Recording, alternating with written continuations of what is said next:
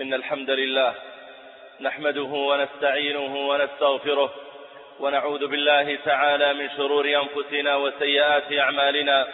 من يهده الله فلا مضل له ومن يضلل فلا هادي له.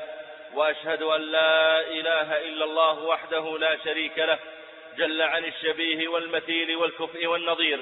وأشهد أن محمدا عبده ورسوله وصفيه وخليله وخيرته من خلقه. وأمينه على وحيه أرسله ربه رحمة للعالمين وحجة على العباد أجمعين فصلوات الله وسلامه عليه ما ذكره الذاكرون الأبرار وما تعاقب الليل والنهار ونسأل الله أن يجعلنا جميعا من صالح أمته وأن يحشرنا يوم القيامة في زمرته. أما بعد أيها الإخوة المؤمنون إن لكل أمة من الأمم خواصها التي تختص بها عن بقية الأمم. لها لغتها ولها عاداتها ولها تقاليدها ولها تاريخها ولها ثقافتها. وتجد أن ما تعيشه هذه الأمة في حياتها يحدد ثقافتها. إن نظرت إلى لباسه علمت أنه من الجهة الفلانية أو ربما من الجنسية الفلانية. وإذا استمعت إلى لغته أستطعت أن تحدد بعد ذلك المكان الذي ينتسب إليه. بل إن, بل إن أسامي الأيام وأسامي الشهور والأعياد وأنواع الطعام وغير ذلك كل هذه الأمور إنما تختلف بين الأمم باختلاف ثقافاتها واختلاف لغتها واختلاف تاريخها. ولا شك أن التاريخ الذي لا نزال نعمل به وهو التاريخ الهجري هو دين ندين الله تعالى به. وهو ميزة وخصيصة لهذه الأمة التي اصطفاها الله عز وجل وجعلها شاهدة للناس يوم القيامة.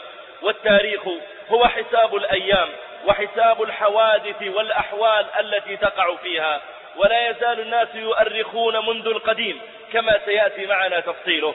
والتاريخ أيها الإخوة الكرام مهم للبشرية لأجل أن يضبطوا أمورهم.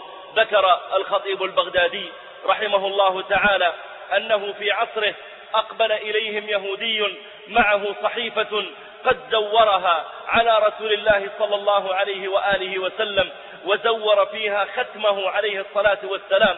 وفي هذه الصحيفة أن النبي عليه الصلاة والسلام أسقط الجزية عن يهود خيبر.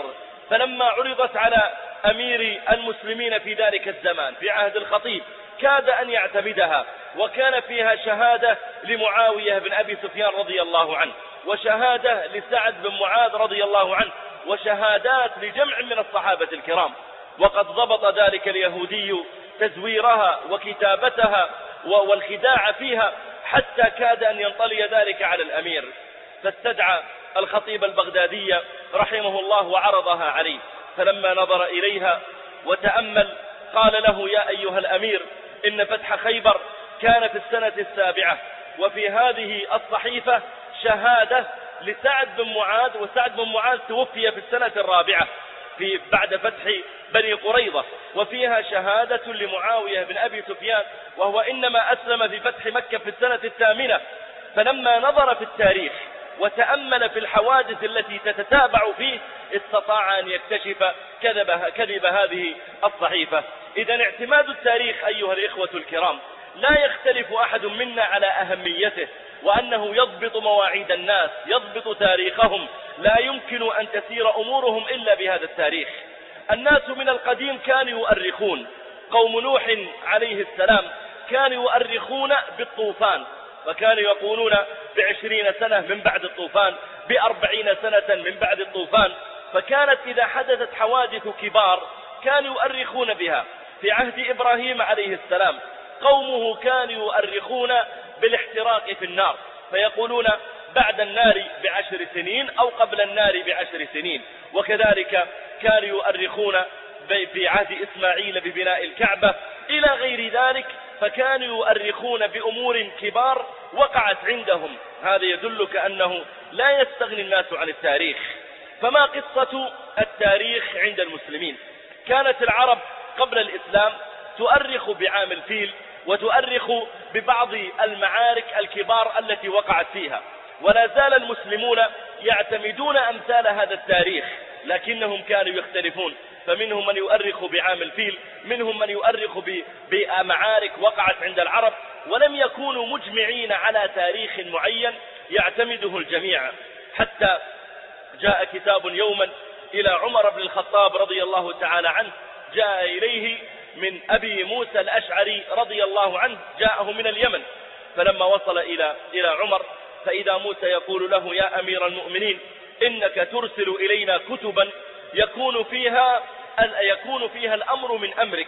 يعني يقول افعل كذا بعد عشر بعد عشرة أيام بعد خمسة عشر يوما. يقول وليس فيها تأريخ. فنحن لا ندري متى كتبتها وهل تأخر بها الرسول أم تقدم فيشق ذلك علينا. فبدأ المسلمون ينظرون فعلا في أهمية أن يجمعوا جميعا على تأريخ معين. وفي يوم أيضا أقبل رجل إلى عمر بن الخطاب رضي الله عنه قد اختلف مع آخر في سداد دين.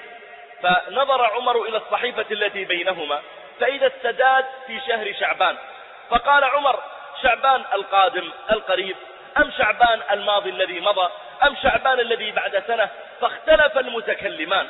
كل واحد يحاول أن يجر شعبان إلى السنة التي تخدمه هو وفي مصلحته. فشعر عمر رضي الله عنه فعلا بأهمية أن يجمع المسلمون على تأريخ معين. عندها جمع الصحابة الكرام رضي الله تعالى عنهم جميعا وجعلوا يتحدثون ويبحثون عن عن حال من الأحوال أو موقف من المواقف أو تاريخ للمسلمين يستحق أن يستند التاريخ عليه. فقال بعضهم يا أمير المؤمنين نؤرخ بتاريخ الروم.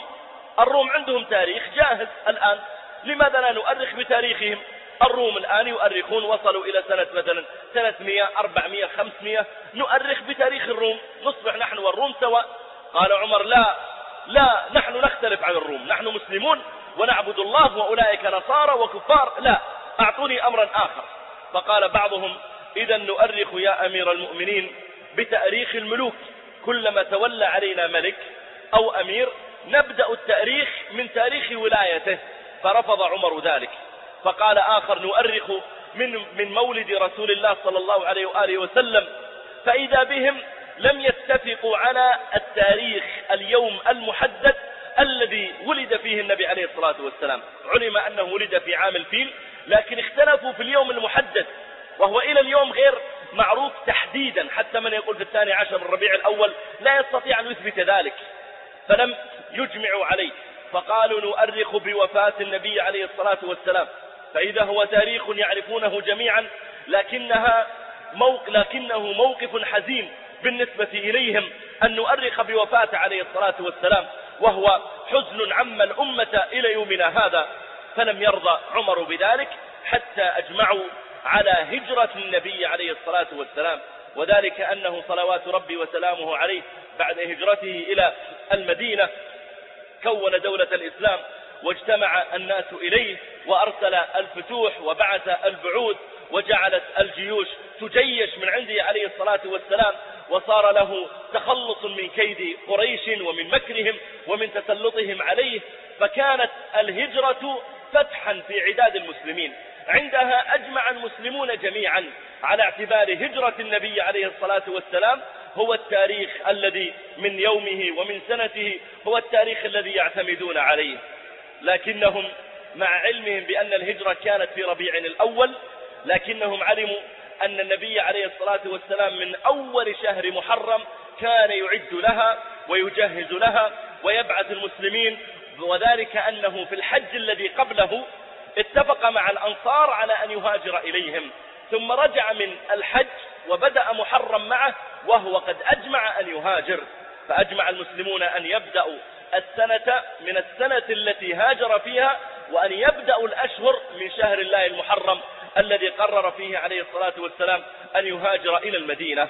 وهذا التاريخ الهجري أجمع عليه صحابة رسول الله صلى الله عليه وآله وسلم ولم يخالف من أولئك الصحابة من أولئك الصحابة أحد أبدا. وكانوا يعتمدون فيه على سير القمر كما قال الله عز وجل يسألونك عن الأهلة.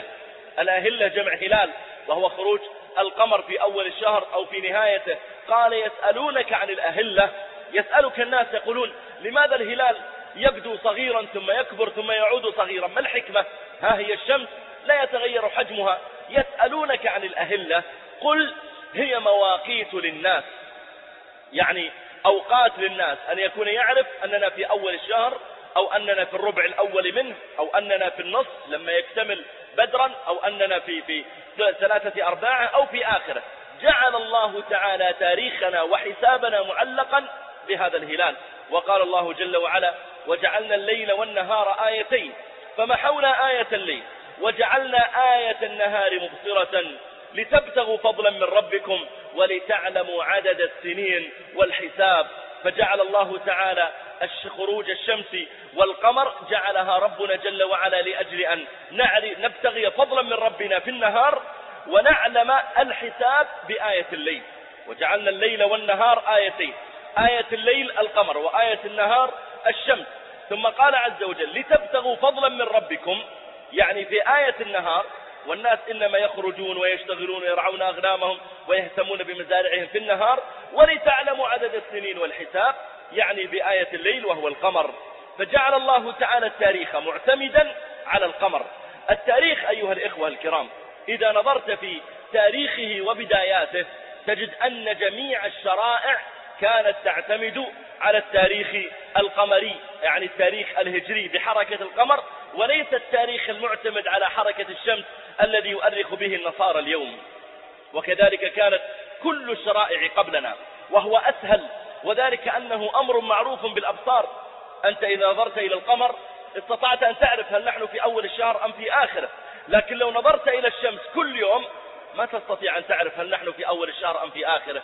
لكن القمر يتغير والشمس ثابتة. لذلك عند الرومان من قبل الميلاد بسبعمائة وخمسين سنة كانوا يعتمدون التاريخ المعتمد على القمر وحركة القمر الذي هو التاريخ الهجري. الذي أمرنا ديننا أن نعتمد عليه. واستمر العمل بالتاريخ الهجري أعني القمري لمدة أكثر من من 700 سنة يعني إلى إلى قبيل ميلاد المسيح عليه السلام ب 46 سنة. والناس جميعا الرومان وغير الرومان لا يؤرخون إلا بالتاريخ التاريخ القمري. حتى قبل ميلاد المسيح تولى أحد ملوك الرومان وهو يوليوس فاستدعى أحد الفلكيين وقال اصنع لي حسابا جديدا أنا أريد أني أختلف عن من قبلي. فاخترع له التاريخ الشمسي وضع له تحديدا معينا هكذا افتراضيا تبدأ عنده الشهر وجعل يحسب 30 يوم 30 يوم 31 يوم 29 يوم ونحو ذلك. جعل له حسابا دون أن يعتمد على حركة شمس أو على حركة قمر. فاستمروا يحسبون بهذا الحساب واستمروا على هذا الحساب في أوروبا. يعتمدون على تاريخ الرومان الذي عمله ذلك الفلكي قبل ميلاد المسيح حتى القرن السابع أو الثامن من ميلاد المسيح عليه السلام. يعني ولد المسيح ورفع والأوروبيون لا يزالوا يعتمدون على تاريخ الرومان الذي صنعوه. حتى في عام 1582 وكان ذلك التاريخ الأول المعتمد على الرومان عند جميع النصارى. في عام 1582 أجري عليه تعديلات وبعدما أجريت عليه هذه التعديلات عمم على جميع الكنائس أن تلتزم به. هذا الكلام في دين النصارى موجود في تاريخ النصرانية.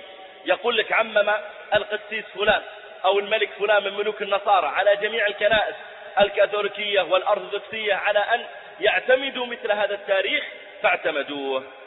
ومع الأسف أن المسلمين كانوا يعملون بالتاريخ الهجري. أعني جميع بلاد الإسلام. هل تعلمون أيها الأفاضل متى سقط التأريخ بالتاريخ الهجري في كثير من بلدان الإسلام بعدما كان العمل به؟ كان العمل لا يزال جاريا بالتاريخ الهجري في كل بلدان الإسلام بلا استثناء. إلى سنة 1340 للهجرة. يعني من 90 سنة من اليوم. لما سقطت الخلافة العثمانية في تركيا وكانت الخلافة لا تعمل إلا بالتاريخ الهجري. ولما يراسلون غيرهم من النصارى يكتبون التاريخ الهجري ولا يعتمدون تاريخ النصارى.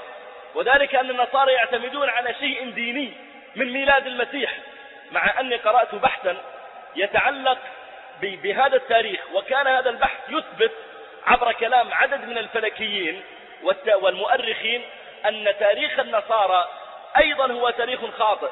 وذلك أنهم يجعلون ميلاد المسيح في الخامس والعشرين من ديسمبر. وأثبت هذا الباحث أن المسيح لم يولد في 25 ديسمبر لأنه ولد في الصيف ولم يولد في الشتاء. وجاء إلى قوله تعالى أيضا في ديننا وهزي إليك بجذع النخلة تساقط عليك رطبا جنيا ومعلوم بأن الرطب إنما ينشأ في الصيف ولا ينشأ في الشتاء. فإذا كان إذا كان عيسى عليه السلام ولد في الصيف فإنهم يعتمدون الآن بداية المولد 25 ديسمبر معروف أنه شتاء ويستمر الشتاء من, خم من قبل 25 ديسمبر لمدة ثلاثة أشهر أو أربعة. فلم يجعلوا ميلاده في أوغست مثلا في الشهر الثامن أو ما شابه ذلك. المقصود أن تاريخهم خطأ أساسا.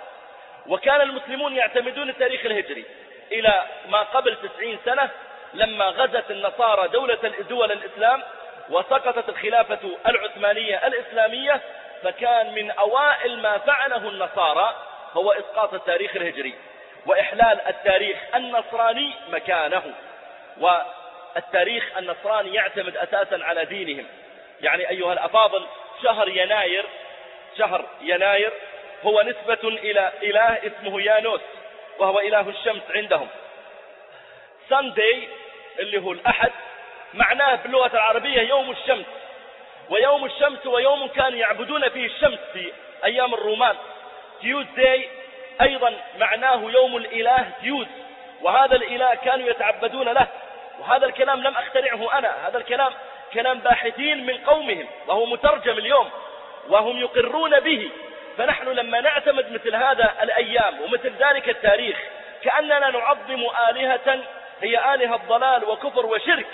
ولا يجوز لنا أن نعتمد مثل ذلك. التاريخ الهجري هو الأصل وهو الذي يعتمد عليه أيضا مواقيتنا الشرعية. كيف تستطيع أن تعرف بداية رمضان إلا بالتاريخ الهجري؟ كيف تستطيع أن تعرف بداية الحج ويوم عرفة إلا بالتاريخ الهجري ومنازل القمر؟ المرأة المطلقة والمرأة التي توفي عنها زوجها لا تحسب انتهاء عدتها إلا بالتاريخ الهجري. المطلقة التي لا تحيض تحسب ثلاثة أشهر وتحسبها بالتاريخ الهجري لا تحسبها بالتاريخ الميلادي. قل مثل ذلك أيها الأفاضل أن الأمة جميعا أجمعت على اعتبار مثل هذا التاريخ. والنبي عليه الصلاة والسلام قال إذا رأيتموه فصوموا إذا رأيتموه فأفطروا. فعلق مواقيت ديننا بهذا التاريخ القمري. ومع الأسف تصلني رسائل ويصل إلى عدد منكم ربما من إخوة لنا من خارج المملكة من دول الخليج. ما أقول والله يرسلون من أوروبا من دول الخليج. ويقول هل ثبت أن غدا من محرم أم لا؟ هل, هل يعتبر غدا محرم في أوائل عشر ذي الحجة؟ تصل الرسائل إلينا. هل غدا هو الأول من, من, من, من ذي الحجة أم لا؟ فتستغرب أنت الآن. تعيش في دولة من دول الخليج وتسأله اليوم كم بالتاريخ الهجري ولا يدري. والله أنا أسافر أحيانا إلى هذه البلدان دول الخليج أو إلى غيرها أيضا. فإذا سألتم في دول إسلامية تقول اليوم كم بالميلادي؟ فيعطيك إياه مباشرة. تقول كم اليوم بالهجري؟ والله ما أدري.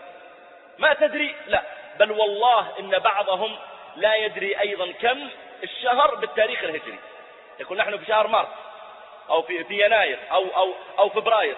تقول طيب اليوم إيش شهر؟ إيش ربيع؟ أول ربيع ثاني جمادى أولى. يقول والله ما أدري. لكن أعرف إننا في يناير أو في كذا. وإذا قلت عد لي الأشهر الأجنبية عدها لك.